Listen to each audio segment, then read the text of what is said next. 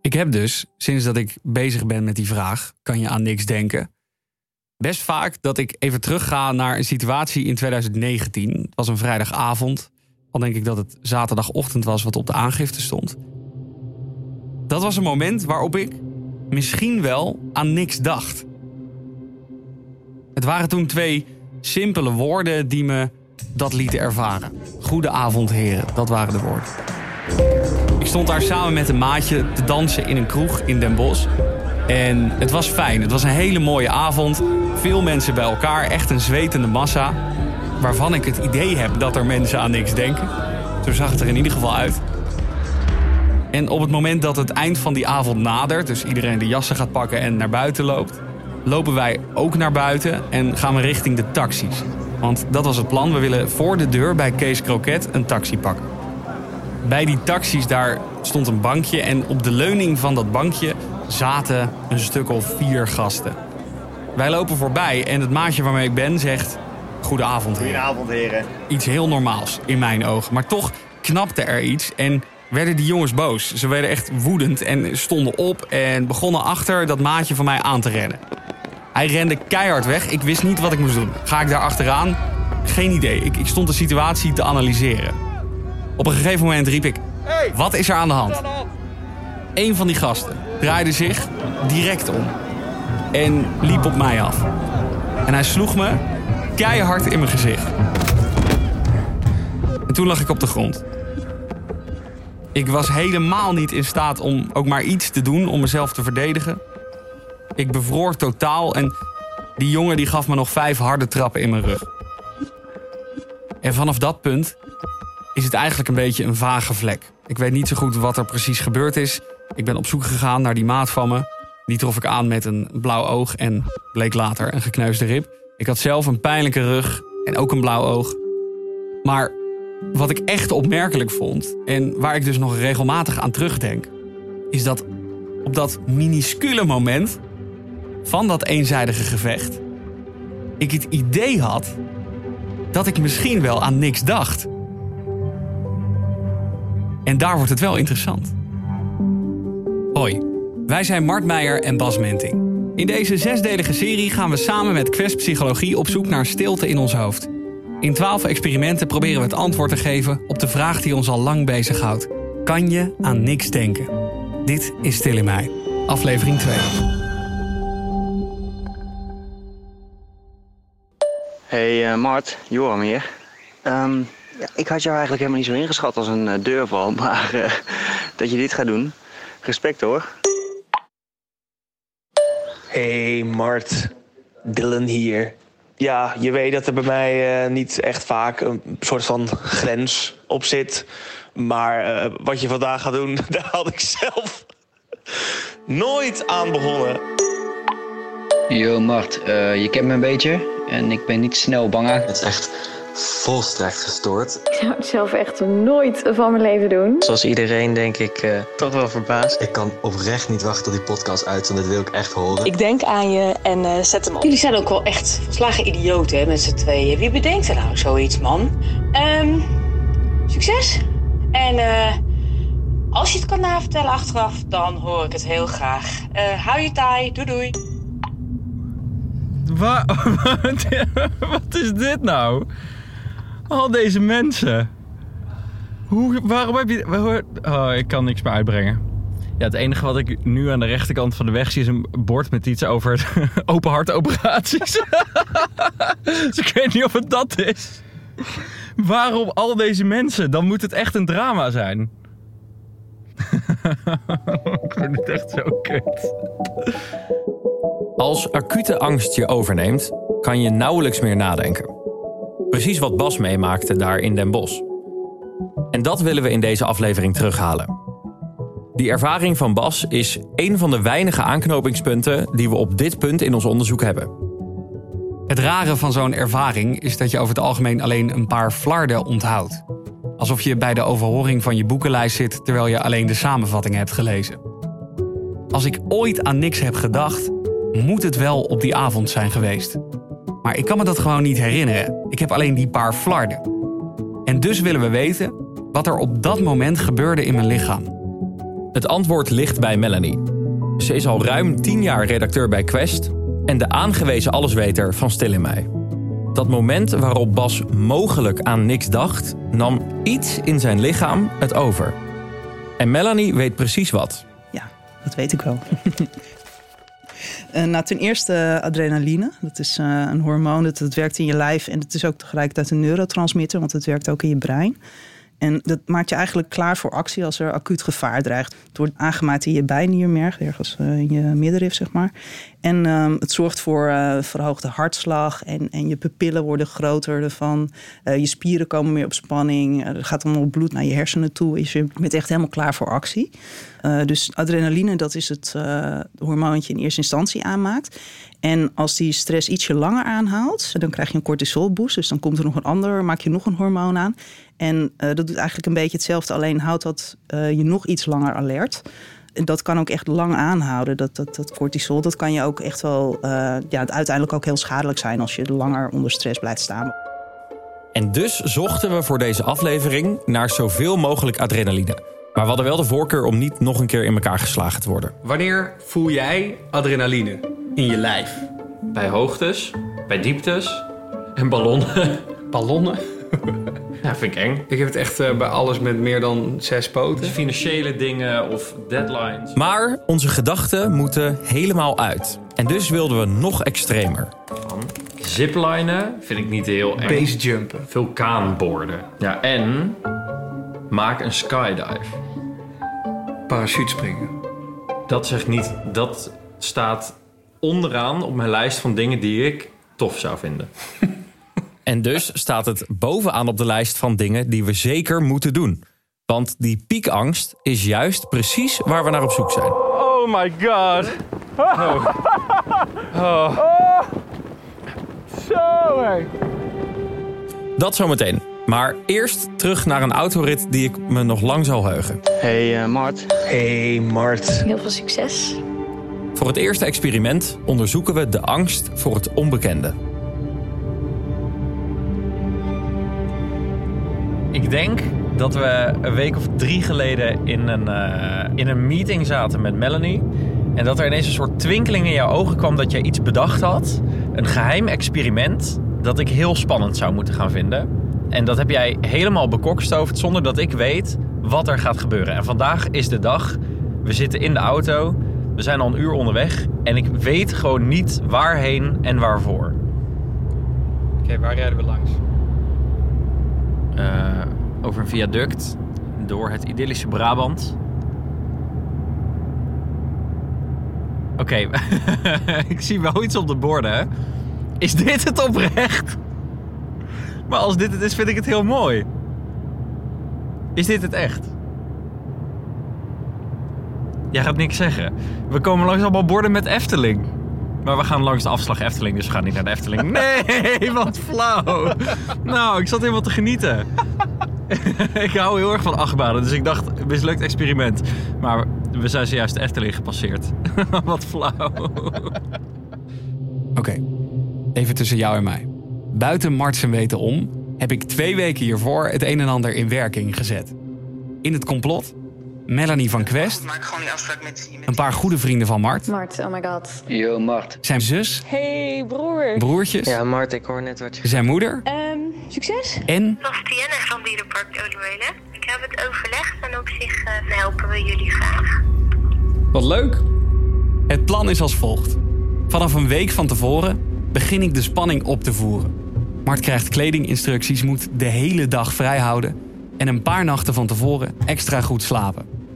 Ochtends vroeg pik ik hem op. Hey Mart. Hallo. Ben je er klaar voor? Op dat moment stroomt zijn telefoon vol met zorgwekkende audio-appjes. Heel veel succes. Wa wat is dit nou? En na anderhalf uur rijden komt er ook nog een blinddoek tevoorschijn.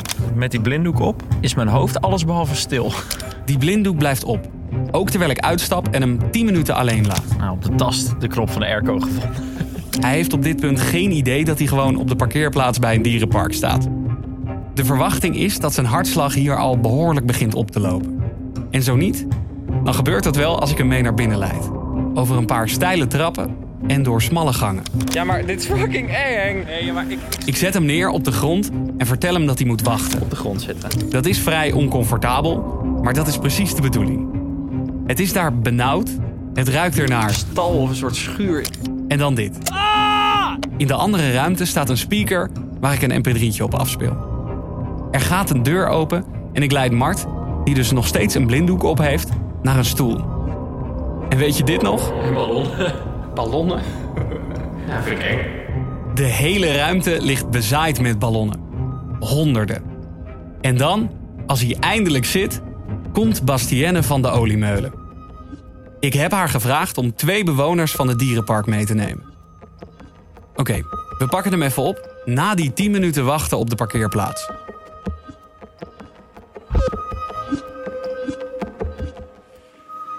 Auto loopt nog voor de airco. Hallo? Zal ik de auto even uitkomen zetten? Ja, weet ik veel. Je kan gewoon lopen. Ja, maar dit- je weet niet half hoe eng dit is. Nee, maar ik, je kan me vertrouwen. Nou ja, dat moeten we nog maar even bekijken.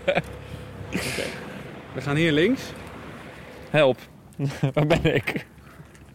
ik? Ik snap het niet. We gaan een U-bocht maken. En hier is de trap. Rechts een leuning? Oké, dit is Je mag perfect. nu recht omhoog. Dit kun je wel blind, toch? Ja. Ik hoor allemaal een soort krekelgeluiden of zo. Wat is dit allemaal? Oh, ik hoor allemaal beesten. Oh, wat is het leven.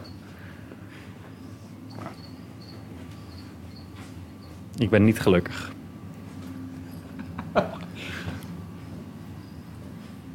We slaan links Hier mag je even op de grond gaan zitten. Je moet even Wat? Op de grond zitten. op de grond. Oké. Ik had een beetje het idee dat ik een soort stal of een soort schuur in ben gelopen. Er is veel hout, het is een beetje warm, een heel klein beetje bedompt. Ik hoor geluiden van allemaal insecten.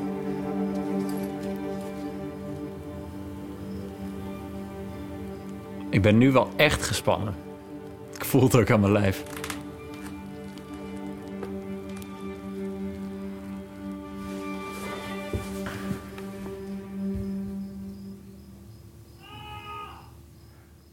Ja, dag. What the fuck? Ook nu. Wat is dit nou weer? Ik zit hier gewoon rustig te wachten. Hoor je iemand echt hard schreeuwen? nou.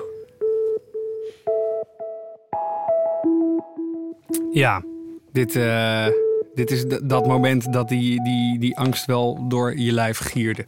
Ja, dat, maar we hebben best wel veel gehoord dat angst je heel erg kan helpen om te focussen. Als je gestrest bent in een situatie, daar helpt adrenaline bij. Maar dit was niet dat punt. Het was zoveel chaos in mijn hoofd. Het was, ik zat alleen maar te denken aan wat het zou kunnen zijn dat we gingen doen. Maar je dacht niet aan iets anders op dat moment. Je was alleen maar aan het focussen op welke gevaren er allemaal Maar dat waren er wel heel veel. Ja, wat, wat dacht je allemaal? Maar het voornaamste waar ik aan dacht is... eh, waar ik echt een hekel aan heb, zijn eh, insecten, muggen, kriebelbeestjes en zo. En eh, ik, had, ik, heb, ik had het op een gegeven moment, kreeg het in mijn hoofd. Zeker met die krekelgeluiden. Je had vroeger, ik weet niet meer bij welk tv-programma... maar dan moesten deelnemers, moesten zeg maar tijgerend... door zo'n hele smalle tunnel... die helemaal vol zat met krekels, muggen...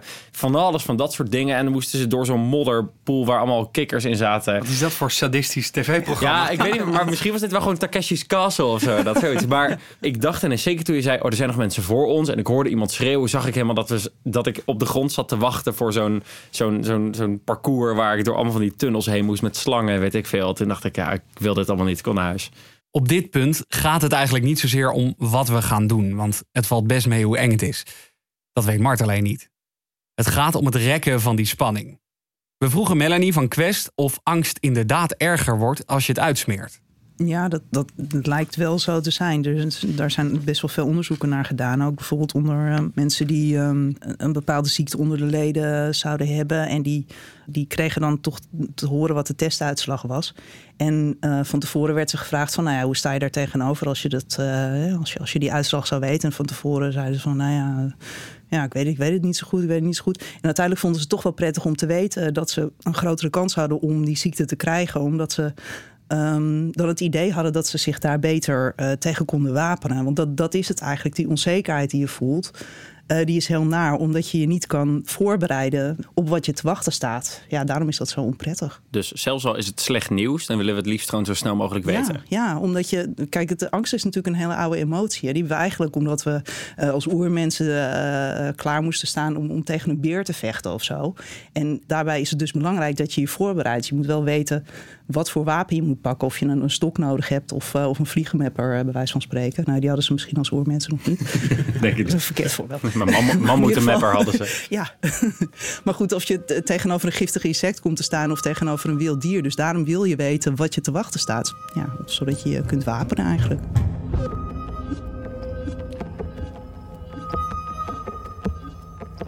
Waar heb je me naartoe gebracht? Terug naar Tilburg. De geblinddoekte Mart zit al een paar minuten op de grond. Dat is puur om die onzekerheid nog wat groter te maken. Want we hoeven natuurlijk helemaal nergens op te wachten.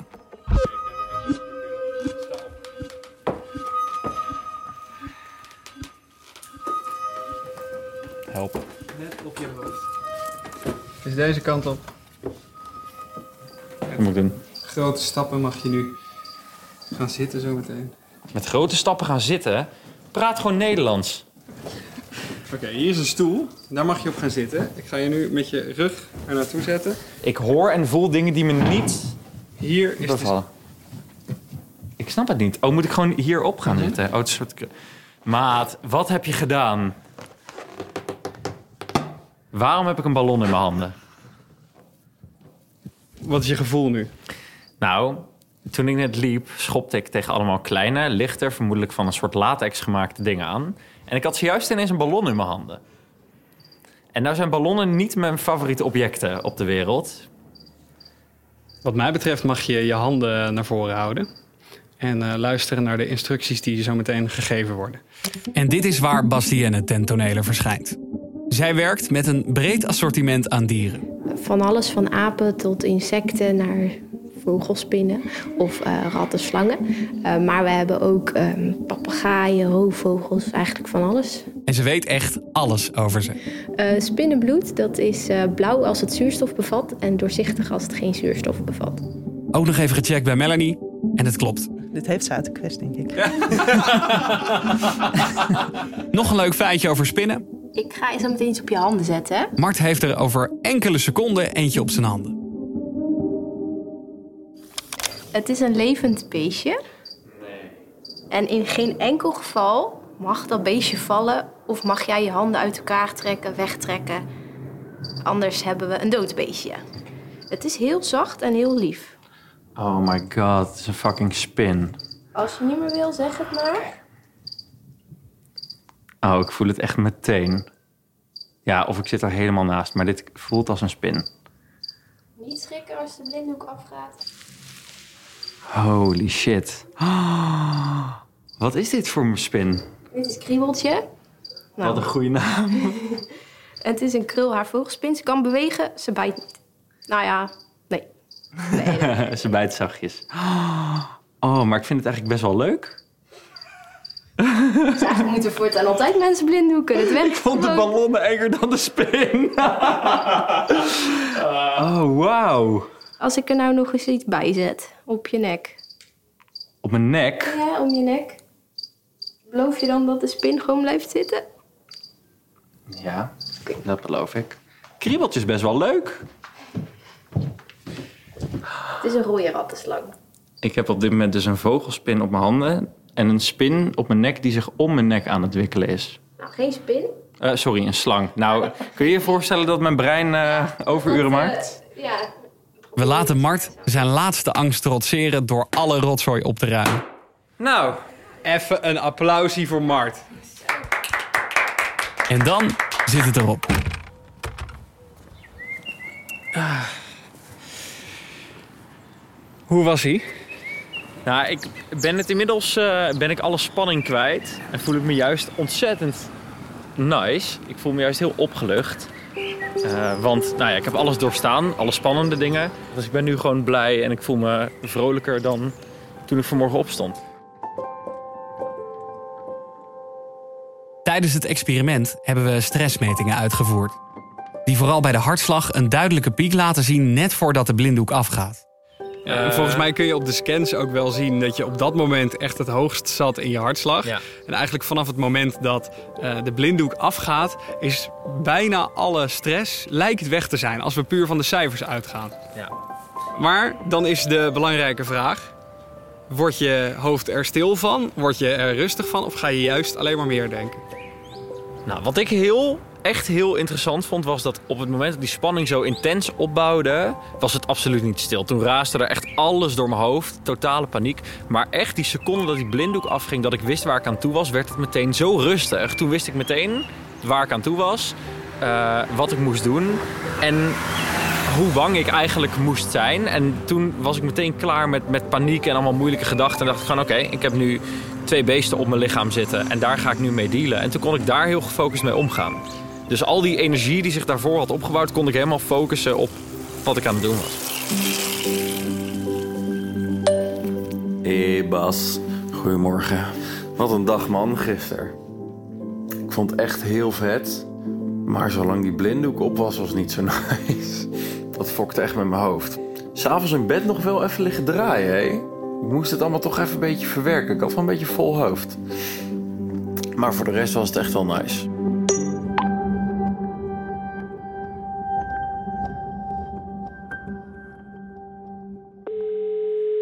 We bellen met psycholoog Thijs Launsbach, die gespecialiseerd is in stress en burn-outs. Hey, dag Martin Bas.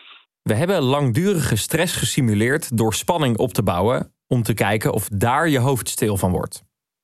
Dat is niet gelukt. Thijs legt uit waarom aan de hand van een voorbeeld uit je dagelijkse leven.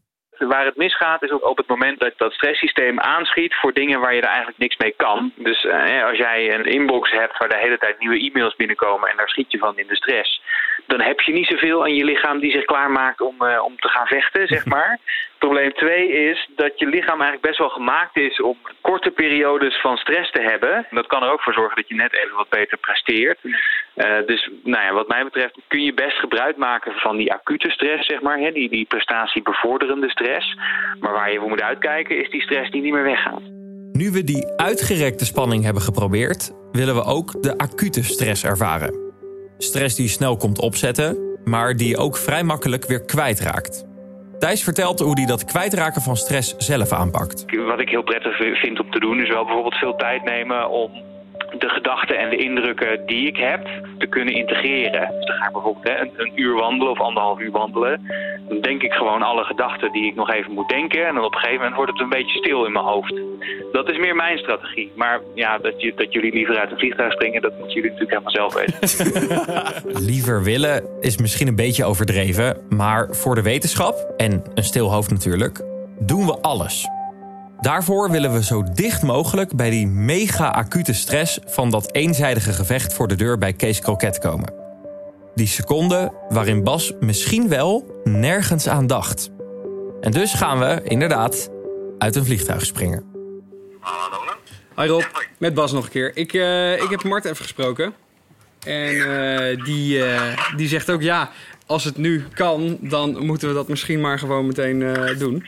Hey, wat leuk. Maar vind je het spannend? Uh, ik heb hoogtevrees als ik op een krant sta, jongen. Dus dit is, ik vind dit verschrikkelijk. Nou, zorg dat je al je collega's die houden van leedvermaak uitnodigt. Want het wordt een mooie dag morgen. Nee, maar waarom denk je dat al die mensen hier werken? Dat zit ons nooit. Ja. Dit is Rob van Paracentrum Tessel. Hij gaat ons bijstaan als we van 13.000 voet uit een vliegtuig springen. Dat is, als je het even omrekent naar kilometers... 3,9 ouwe. Ja. Dat is bijna 4 kilometer. Dat is gewoon van... Uh... Een, een, berg van 4 kilometer afspringen. Minder dan 24 uur na het telefoontje met Rob staan we op de boot naar Texel. Sommige mensen gaan er uit uh, uit de vliegtuig springen van 4 kilometer hoogte. Oei, oei, oei. Toch absurd hoe dat, hoe dat land daar kleiner wordt, daar groter. Maar het is zo dicht bij elkaar. Jij kan je ook echt verwonderen over de meest basale dingen. Hoezo? Ja, het is zo raar hoe als je verder van iets afgaat, nee, nee. dat het dan kleiner wordt. Terwijl iets aan de andere kant waar je naartoe gaat dan groter nee, wordt. Raar, bedoel, Bas, is moet je eens opletten. Let op. Kijk, ik, ga nu... ik ben nu dus kleiner dan net. In mijn mail krijg ik zojuist een verklaring eigen risico. De ondergetekende verklaart onvoorwaardelijk en onherroepelijk door ondertekening van dit document zich bewust te zijn van het feit dat het beoefenen van of deelname aan sportparachutespringen bepaald niet ongevaarlijk is en risico's met zich meebrengt. Oké. Hierbij uitdrukkelijk afstand te doen voor zowel zichzelf als voor zijn of haar erfgenamen of rechtverkrijgenden van elke eis tot schadevergoeding, hoe ook genaamd. Jongen, jongen, jongen. Kortom, eigenlijk staat hier gewoon onderteken dit en als je doodgaat is het niet onze schuld. Ja. Niet per se de meest geruststellende gedachte. Als Bas geconstateerd heeft dat Den Helder nog wat kleiner is geworden en Texel nog groter, gaan we terug de auto in en het eiland op. Wij wensen u een goed verblijf op het eiland en de Tesselaars welkom thuis. Onderweg naar het vliegveld stuiten we op een fenomeen dat je ongetwijfeld kent. Langzaam beginnen zich steeds meer kiezelstenen te verzamelen in mijn maag. Ja? Ja. Vind je het zwaar? Nou ja, zometeen wordt dat één grote rots. En dus vroegen we aan Melanie... Wat is dat? Waarom voelen we stenen in onze maag eh, als, we, als we angstig zijn? Ja. Ja, het is ja, stenen in je maag of een knoop in je maag wordt het ook wel genoemd. Hè? Het is eh, angst, dat werkt heel erg op je, op je lichaam. Ik las er toevallig iets van, eh, van Heiko de Scheppers, een gastroenteroloog, dus een ingewandenspecialist. En ehm, die verklaart het ja, op deze manier eigenlijk dat verliefdheid en stress en verdriet... die hebben een heel sterk effect op de darmen. Want je hersenen beïnvloeden je maag-darmsysteem gewoon heel erg. Dat is ook heel belangrijk. Omdat je, ja, als je honger hebt, dan moet er een signaal naar je hoofd van... Nou, ik moet nu eten. Dus dat, dat staat in heel nauw contact met elkaar. En als je stress hebt, dan stroomt het bloed naar je hart en je spieren, maar niet naar je maag. Omdat eh, ja, je moet helemaal klaarstaan natuurlijk voor je gevecht of voor om te vluchten of om, om te bevriezen. En dat, eh, daarvoor heb je je maag niet nodig. Dat, dus dat wordt eventjes in ruststand gebracht. Maar doordat dat in één klap in rust komt, eh, voelt dat heel raar aan. En als je dan net wat hebt gegeten of er ligt nog iets in, eh, in je maag, zeg maar, dan voelt dat dus als een knoop in je maag. En hoe dichterbij we komen, hoe groter die knoop wordt. We gaan op zoek naar Rob. Die zou hier ergens rond moeten lopen. Ik weet niet hoe hij eruit ziet, maar hij heet Rob, dus ik denk dat hij kaal is. Is dit een eh, irreële verwachting? Mijn vader is Rob. Heet ook Rob. Die is, nou, die is semi-kalend wel. Dat zal hem zijn. Goedemorgen. Goedemorgen. Hallo. Wie is wie? Ik ben Bas. Hoi. Ik ben Mart. Aangenaam. Zal ik jullie een eh, kleine tour eh, geven? Ja, als je ons een kleine tour wil geven, dan heel graag. In een uurtje neemt Rob ons mee over het vliegveld van Texel. En waar je Schiphol echt een luchthaven kan noemen, is dit met recht een vliegveld. Een groot weiland met wat propellervliegtuigjes en een loods met de sfeer van een surfbar. Aan de ene kant een geruststellend beeld, maar aan de andere kant begint de spanning wel op te lopen. Er hangt hier een sfeertje dat mij net te ontspannen is. We beginnen in de centrale loods. Ja, dit is de tandemparachute. Ehm dit heeft de tandemmaster op zijn rug. Geen toegang voor onbevoegden. Draaiende propeller. Eh dit ding maakt ongelooflijk veel lawaai. Oké, everybody is ready. Die kan jullie beide dragen. Met gemak. Dat is een eh, AAD, een eh, automatisch eh, openingsapparaat. We zijn ontzettend duidelijk. Want het is veel belangrijker dat we elkaar goed begrijpen... dan dat we elkaar heel erg leuk vinden. We hebben drie van deze knoepen. Ik spring niet zo heel veel, voor onze begrippen dan. Een beetje eng, hè? Nou, het is heel erg normaal als je nu al echt wat eh, zenuwen voelt. Het wordt sowieso nog tien keer sterker. En ergens in die vlucht zit er voor bijna iedereen wel dat omslagpunt... naar eh, eng en dan eventjes doodeng. Kopje erbij. Het gaat zeker goed komen, maar we hebben één kans om het goed te doen. Het wordt steeds belangrijker om ons hoofd er goed bij te houden, want we krijgen instructies die van levensbelang zijn. Daarvoor trekken we ons terug in een soort Alpenblokhut met een bruine leren bank. En voor je idee, het ruikt daar naar vocht en hout. We krijgen een instructievideo voorgeschoteld. Eh, het, zijn, het zijn drie dingen om te onthouden. Het eerste ding om te onthouden is kip. En als je naar het filmpje kijkt, zie je dat meisje daar in die deuropening zitten... en die heeft haar handen, nou ja, zoals heel suf. In een paar minuten loodst Rob ons er doorheen. Het zou doodsimpel moeten zijn, maar of we de stappen gaan onthouden is nog maar de vraag. Maar onze verwachting van jullie is redelijk laag. Is dat specifiek aan ons voorbehouden of eh, in het algemeen? Nee, nee, eigenlijk iedereen die bij ons over de drempel stapt... die, eh, die gaat cognitief gezien eh, echt terug naar het niveau eh, ja, goudvis. Ik vond dit een heerlijke omschrijving van Rob sowieso. Vaaglijk beledigend ook, maar ik weet niet zo goed waarom. Kijk, zoveel weten wij niet over het cognitieve vermogen van een goudvis. Maar de boodschap lijkt duidelijk. Tijdens de sprong hoeven we niks te verwachten van onze hersenen. Best handig als je aan niks wil denken. We hebben het even bij Melanie van Quest neergelegd. Je zou denken dat je juist heel helder kan denken als je heel angstig bent. Uh, ja, maar je kan dus alleen maar aan dat gevaar denken waar je mee bezig bent en hoe je daarop moet reageren. Dus je denkt op zich wel heel helder, maar je denkt alleen maar van: oké, ik ga straks uit het vliegtuig springen. Wat ga ik doen? Uh, hoe ga ik reageren? Hoe uh, moet ik staan? hoe moet ik vallen? ik moet de parachute open doen. Dat moet ik op het goede moment doen. Dus in die zin denk je wel helder, maar je, ja, je denkt niet meer aan nou ja, je boodschappen of je vriendin of weet ik veel wat. Dus dat je cognitieve vermogens uitschrijft. Het is, het is gedeeltelijk natuurlijk wel zo, maar je, bent, ja, je hebt je focus echt heel erg op wat je moet doen of op je gevaar is het uh, gericht. Iemand die daar alles van weet is universitair docent Marieke Tollenaar. Zij heeft allerlei onderzoeken gedaan over die vorm van angst die we in het dagelijks leven ervaren: stress. Wij willen ons hoofd stil krijgen, dus we hebben haar gevraagd of dat onder extreme stress gaat lukken. Dat ligt er natuurlijk wel een beetje aan of jij dat dan dus als een dreiging of een uitdaging ziet. Als jij heel angstig bent voor wat er gaat komen, voor hè, die hele heftige stressor, dan zul je daar ook van tevoren over gaan piekeren. Hè, je maakt je er van tevoren al druk. Uh, dan weet ik niet of je je hoofd echt leeg aan het maken bent en, en ga je eerder over piekeren. Als jij het als een uitdaging ziet, dan zal dat moment dat je dat gaat beleven, ja, dan ben je waarschijnlijk heel gefocust. Hè? Dus dan gebruik je die adrenaline om echt te focussen op jouw uitdaging, jouw doel. En dan kan dat denk ik heel prettig zijn. Als jij denkt van dit wordt echt tof en je lichaam is hoog aroused, dan krijg je namelijk een hele scherpe focus op wat je aan het doen bent. Als je echter ontzettend bang bent voor wat er gebeurt, is die arousal er wel, maar ben je tegelijkertijd dus in je hoofd met uh, allerlei angsten bezig. als jouw angst eigenlijk heel erg tegenwerkt op die arousal die er komt, uh, dan weet ik niet of dat gaat lukken. Dus het moet dan wel een, een, een spannend iets zijn waar je ook wel een beetje naar uitkijkt. Die zijn voor ons. Oh, dat zijn oh. voor overal. Oh, we krijgen al wel te pakken. Iets spannends vinden is met skydiven in ieder geval gelukt. Hou op met lachen. Moet hij een beetje strak zitten bij je ballen? Waar de wetenschap nog niet zeker weet of ons hoofd wel stil gaat worden, is Rob van het Skydive Centrum ervan overtuigd. En hij kan het weten, want hij is parachutist. Alles wat je, wat je dwars zit en onbewust achter in je hoofd eh, speelt, is in één keer weg. Het is heel binair. Het gaat van aan naar helemaal uit. Nou, ik denk dat het gaat van een enorme niet-stilte naar de meest stilte die je kan vinden wanneer de parachute open gaat. Je hoort Anouk. Zij begeleidt Mart zo meteen tijdens zijn sprong. In het begin gebeurt er zoveel en ben je zo overloaded met wat er gebeurt in de nieuwe natuur zeg maar in de lucht vallen. Dat, heb je dat al eerder gedaan? Dan is dat echt een dingetje om het mee te maken. En als dan de parachute open gaat, is het van oh, en dan is het rustig. Ja, dat is gewoon een heel fijn vertrouwd gevoel. Van de grootste rust naar de meest serene plek, denk ik, die te vinden is. Kun je nog aan dingen denken als ik het aan jou vraag? Kun, kun jij nog aan dingen denken? Absoluut. Dat is echt heel jammer. Maar mijn eerste sprong was het anders, denk ik.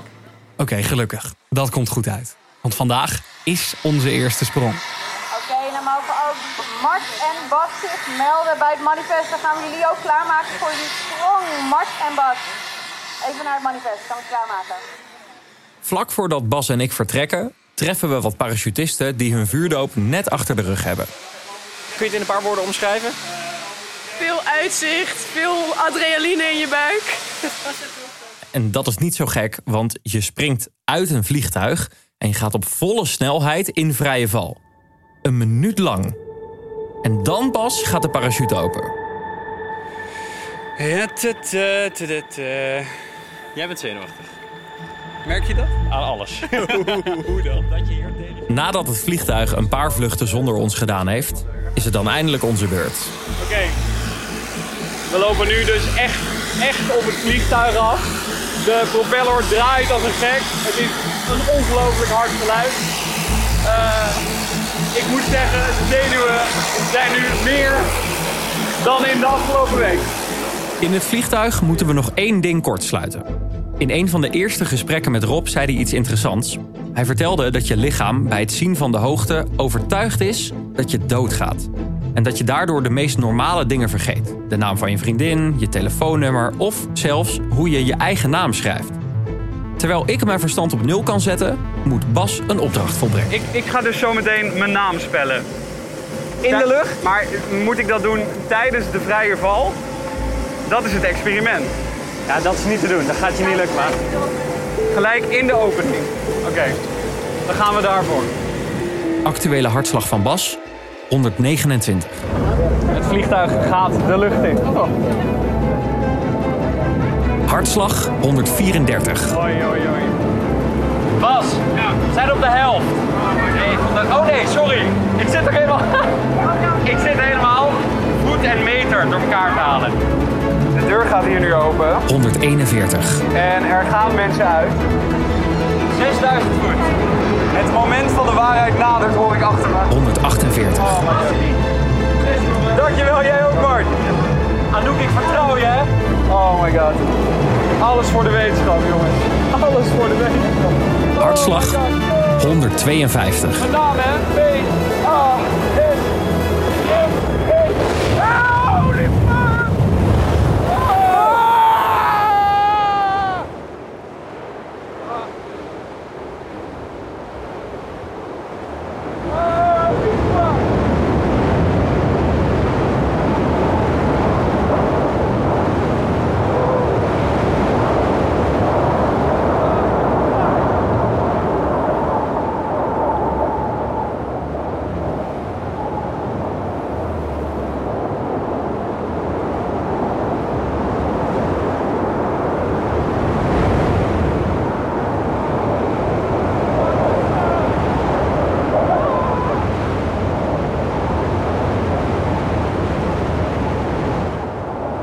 Dit is een volle minuut vrije val. En pas hier gaat dat over in zweven onder de parachute. Holy moly! Oh my god! Oh. Oh. oh. Zo hé! En dit duurde lang! Ah. Oh my god! Ik heb nog nooit van mijn leven zoiets meegemaakt. Ah. Waar moeten we landen? Hey, trek knieën maar omhoog. Kun je lekker zitten, Bas? Ja? Oh. Oh. Dit is echt niet normaal. Wat zijn we aan het doen? Maar ik geloof dit gewoon niet. Het is zo mooi. We hebben even om deze ervaring te verwerken terwijl we rustig neerdwarrelen richting de Tesselse grond.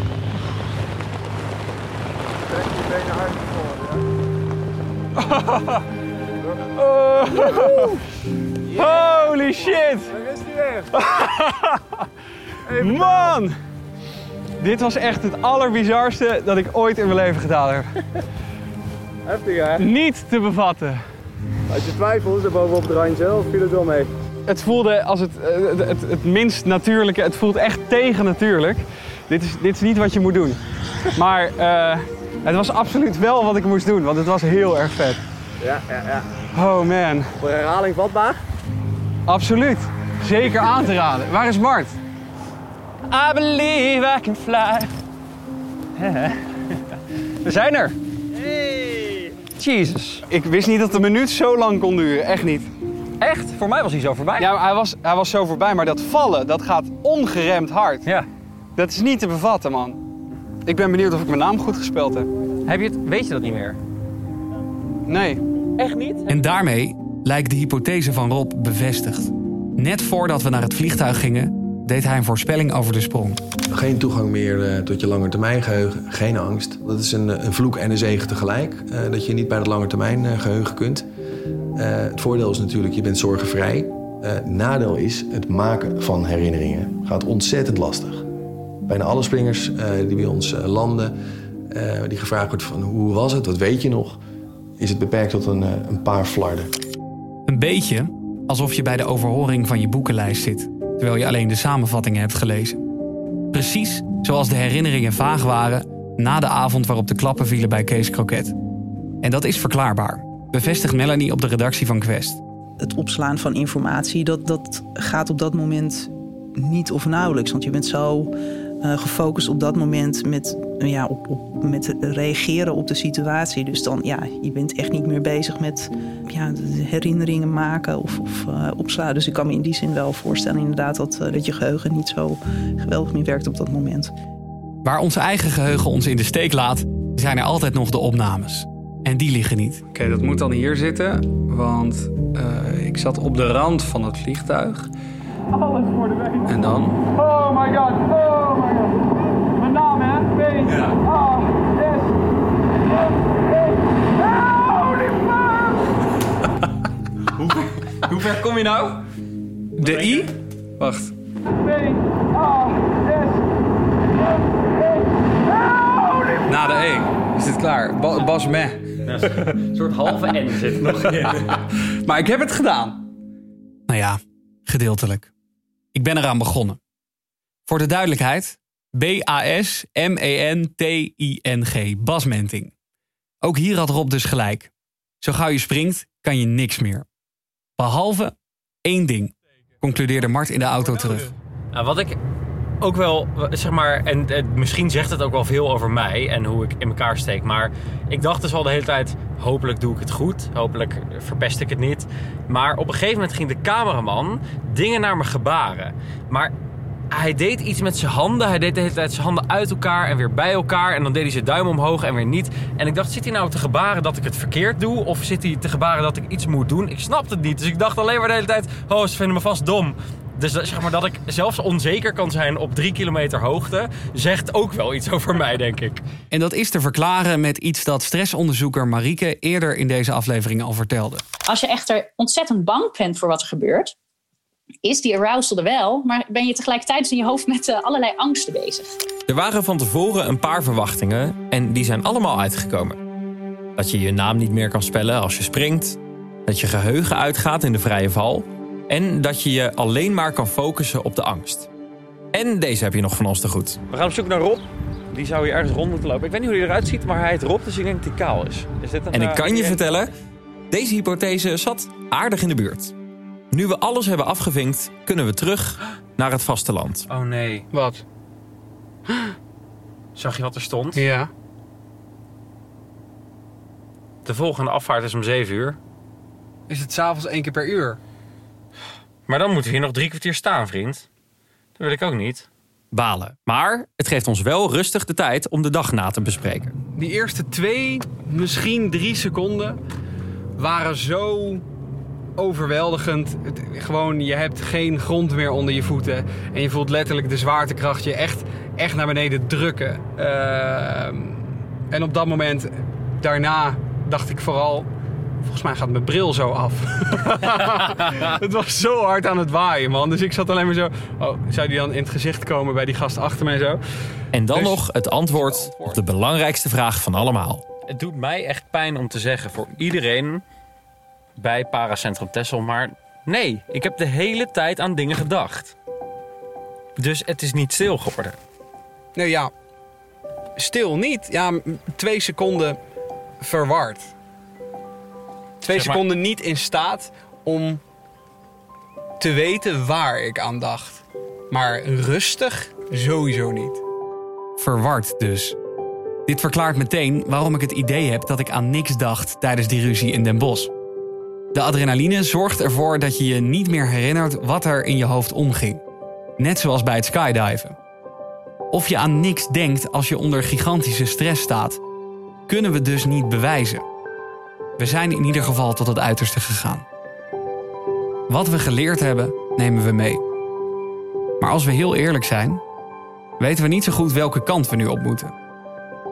Als zoiets extreems je hoofd niet stil maakt, waar moet je het dan zoeken? Bij die vraag werden we ineens geholpen door een simpel mailtje. Hallo, hallo. Hallo Bas. Hallo. Ik eh, wilde even gauw wat bij jou eh, neerleggen. Ik eh, heb drie mails in mijn mailbox van eh, Pieter.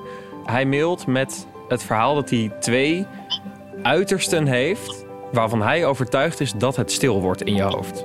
Dus ik heb het wel gegoogeld. Het is echt op een schitterende plek op 3,5 uur rijden van Hilversum. Ja, ja, dag. We zoeken hem in de volgende aflevering op. Zolang je niet afgeleid wordt en er alleen in zit, eh, ja, dan, dan kan ik wel aan niks denken. Daar heb ik geen probleem mee. In de zoektocht naar antwoorden spreken we voor het eerst mensen die datgene kunnen wat wij zo graag willen. Ehm, nou ja, ik, eh, ik kan aan niks denken. En antwoorden krijgen we. Ik ben zelden zo dichtbij geweest. Ik was maar een millimeter ervan verwijderd. Echt waar. Dit is Stil in mij. Gemaakt door Bas Menting, dat ben ik. En door mij, Mart Meijer. Exclusief beeldmateriaal van deze podcast vind je op Instagram, @stilinmij. Wil je als eerste op de hoogte zijn van nieuwe afleveringen? Druk op volgen of abonneren in je podcast-app. En we zouden het waanzinnig vinden als je een review achterlaat. Zo kunnen nog meer mensen de zoektocht volgen. Vanuit Quest Psychologie worden we bijgestaan door Melanie Metz en Marieke Boersma. Hoofdredactie door Philip Fontani. De muziek is voor deze podcast gecomponeerd door Niels Petjens en mixage is gedaan door Sam Huisman.